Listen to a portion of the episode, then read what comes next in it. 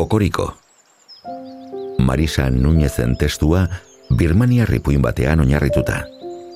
Elga Banschen irudiak. Itzultzailea Arkaitz Goikoetxea. Okuo txalapartaren argitalpena 2000 eta bederatziko azaroa. Olo ama oso pozik zegoen kokoriko semearekin.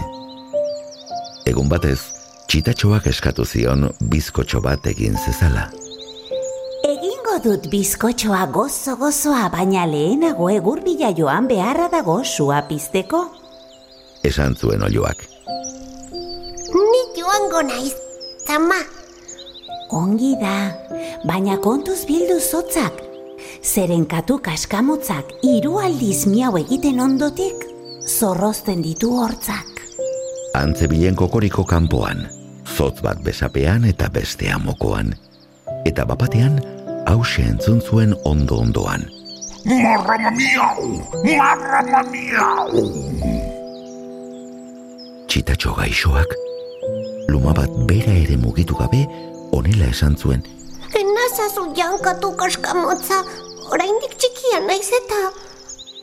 Amatxok bizkotxo bat egingo du, eta nik egurra eraman behar dut labea pizteko. Baiaterik nahi ez paduzu. Bizkotxo erdia eman beharko didazu. Marrama miau! Txitatxoa izututa, lasterka joan zen etxera. Baina olio amak lasaitu zuen. Zu ezkezkatu kokoriko, bizkotxo handi handia egingo dugu zuretzat eta katu kaskamotzarentzat.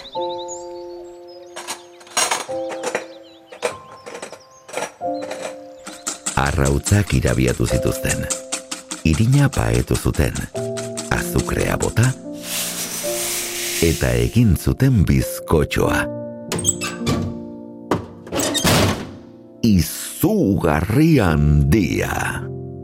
Purra, purra, hortik papurra. Purra, purra, handik papurra. Ai, zein mokadu gozoak. Zioen txitatxoak.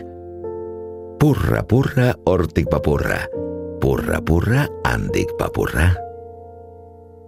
Olio ama ohartu zenerako, bizkotxorik etzen geratzen.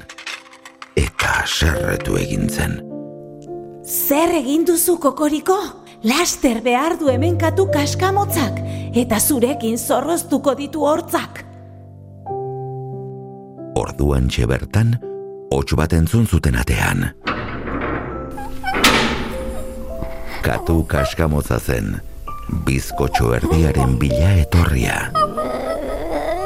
Olio ama, lasterka ezkutatu zen txitatxuarekin buztinezko lapiko batean. Kokoriko ikaratuta zegoen, eta txio eta txio ari zen lapiko barruan. Ahots bat sumatu zuten orduan. Marrama miau! Txitatxo bat entzuten dut nik, katu kaskamotzak!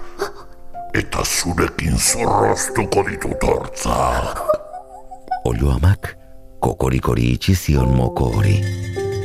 Baina txitatxo gaixoa, beldurrez dardarka ari zen eta lapikoa dantzarazten zuen.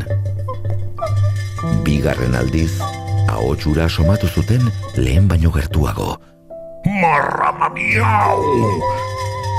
Txitatxo bat usaintzen dut nik, katu kaskamotzak, eta zurekin zorroztuko ditut hortzak.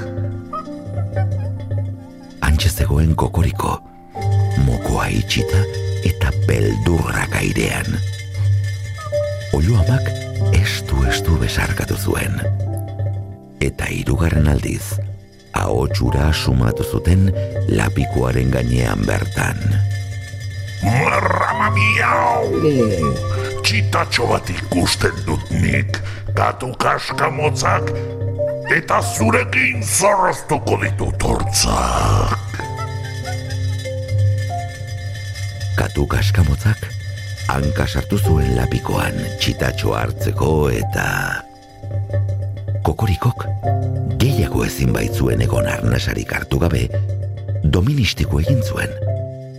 Hainbesteko indarrez egin ere, lapikoa mila zatitan apurtu zen.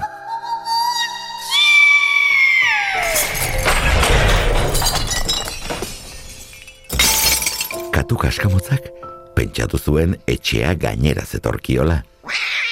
Beki bat ubel-ubel eginda eta hortz bat falta zuela iesean irtentzen lasterka. Manoa ementik marrama miau, edo teliatuak zanpatuko na. Olo amak, ospatzeko, beste pastel bat egin zuen.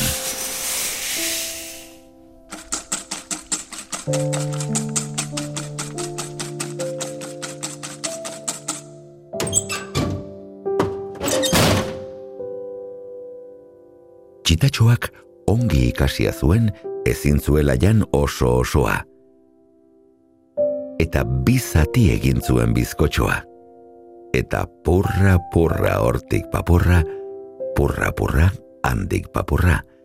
Erdibana jantzuten amasemeek gozo gozoa, xamur xamurra.